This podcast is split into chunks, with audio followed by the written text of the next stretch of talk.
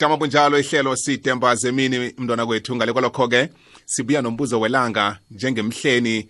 Namhlanje sikungelesine ngithe angikhambe ngichinge kumaheberu khe ngiyokuvakatshela umfundisi umbuyani eh ngifike ngithi shalom.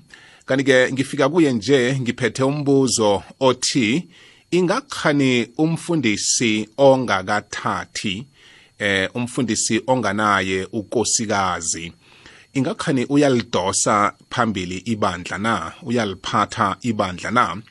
Uzakhumbula mlaleli bona ikosi uJesu akhange yathatha ukosikazi ngokwemlando esiwaziko nesinawo ngokwevangeli afika nalo etestamentini elitsha.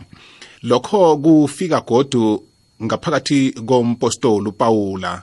Ngaphakathi kwalo itestamente elitsha unencwadi ezilithumi nantathu azitlolileko ezilandelwako nezisetshenziswako ngaphakathi ebhayibhilini kodwana yena ngokwakhe akhangathatha akhangaba nokosikazi. Okurarako ngaye uthi encwadini zakhe ezinye azitlolileko umdosi phambili kufanele kube ngonokosikazi oyedwa eh begodu-ke abe ngubaba othetheko eh okwazi ukuphatha ikhaya lakhe. Bona akwazi ukuphatha ibandla. Ikhisiba yena akasinjalo. Ingakhani kunokhunye esingakwaziko ngalokhu na? Beka indlebe siyeza. Umvumo omnandi. Check amahlelo wezinga eliphezulu. Check abarhatshi bekhethelo. Check indaba. Check imidlalo yomoya. Check sinakho konke kukwekwezi fm ungawusasuka kukhanya ba.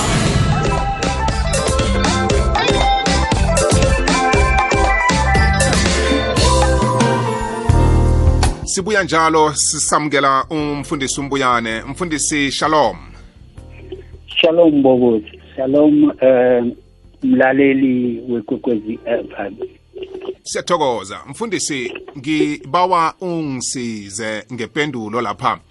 Ingakhani umfundisi ongakathathi umfundisi onganaye ukosikazi uyalidosa phambili ibandla na? Uyaliphatha ibandla uyaba nebandla?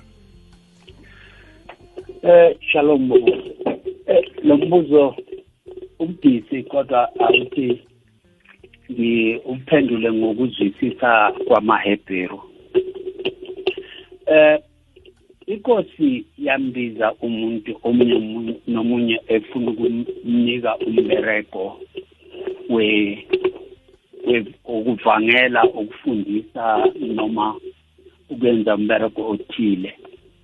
Ngakho-ke abanye babizwa basebancane njengabo eh Samuel.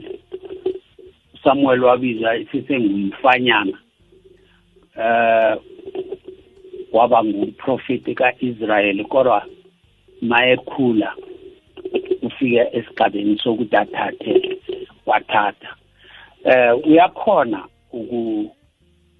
ukuthi inkosi mayimbizile umuntu eh abe umdosa phambili esesemncane.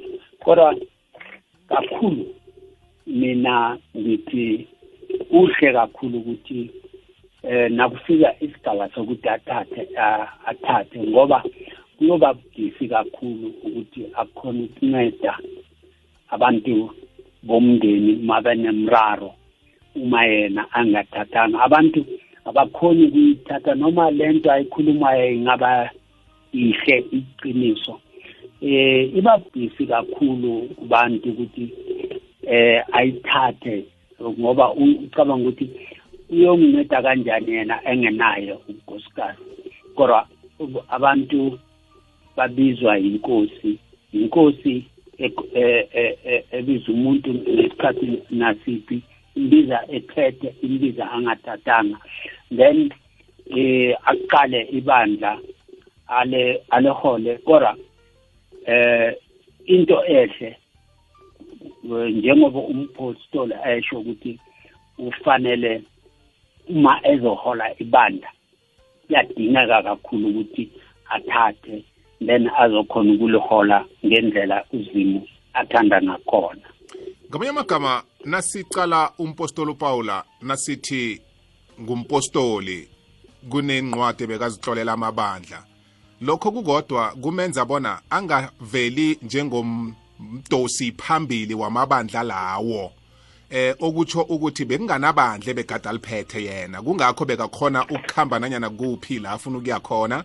Kungakho bekakhona ukuhlola eh, ahlolela amabandla ahlukahlukeneko. Eh la amabandla bekajame khona bekunabafundisi bebalapho kungakho bekagqugquzela ukuthi enizamkhetha nozangidosa phambili akabe ngothetheko. Ngamanye amagama angazi ukuthi ngizwisisa kuhle na? Uyibeke kuhle bobozi uyibeke kuhle khulu. Umpostoli paul wayeshumayela aqale ibandla kodwa wayelayeza sonke isikhathi ukuthi bakhethe uh, abadosi phambili.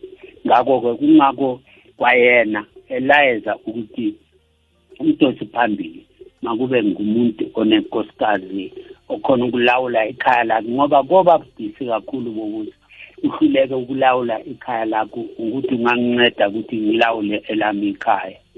So umuntu ufanele abe example kakhulu uma udosa ibandla phambili.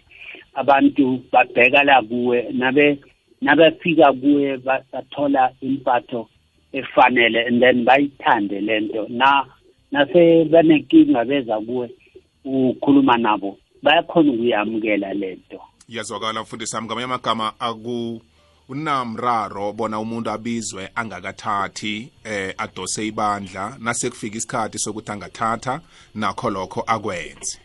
Amen amen.